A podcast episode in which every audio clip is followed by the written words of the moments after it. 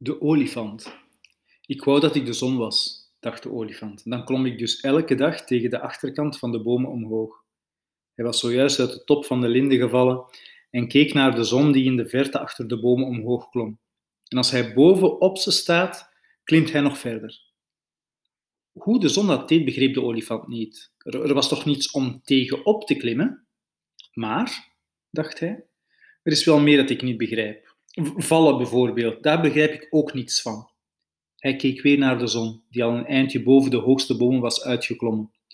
Wat een geluk om dat te kunnen, dacht hij. Hij probeerde op te staan.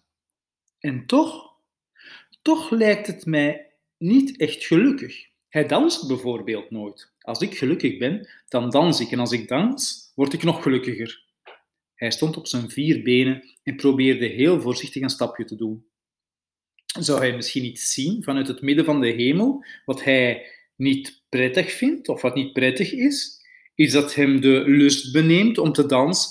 Ja, ja, dacht hij. Dat is het, de lust benemen. Iedereen beneemt de zon de lust. Daarom daalt hij natuurlijk naar beneden en gaat hij onder, want dan is hij verdrietig. Maar wat zou dat zijn? dacht hij. Vast iets verschrikkelijks. Iets wat je alleen kunt zien als je hoog in de hemel staat. Alleen hij kan dat zien. De maan en de sterren niet. Die schijnen alleen s'nachts en die zien niets. Hij deed een paar stappen. Het gaat, dacht hij. Hij dacht weer aan de zon. Maar s'nachts slaapt hij en vergeet hij wat hij heeft gezien. De volgende ochtend klimt hij weer omhoog en is benieuwd naar de verte en zou hij wel een pirouette willen maken van geluk als hij hoog in de hemel aankomt? Tot hij weer ziet. Ja, dacht de olifant, dat is het. Zo zit het in elkaar. Dat is zijn ongeluk daar hoog in de hemel.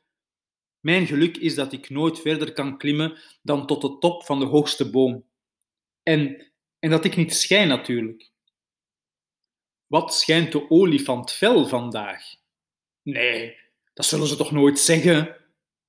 Hij begon steeds sneller te lopen in de richting van de eik. Hoog in de blauwe hemel stond de zon, die nog steeds verder omhoog klom.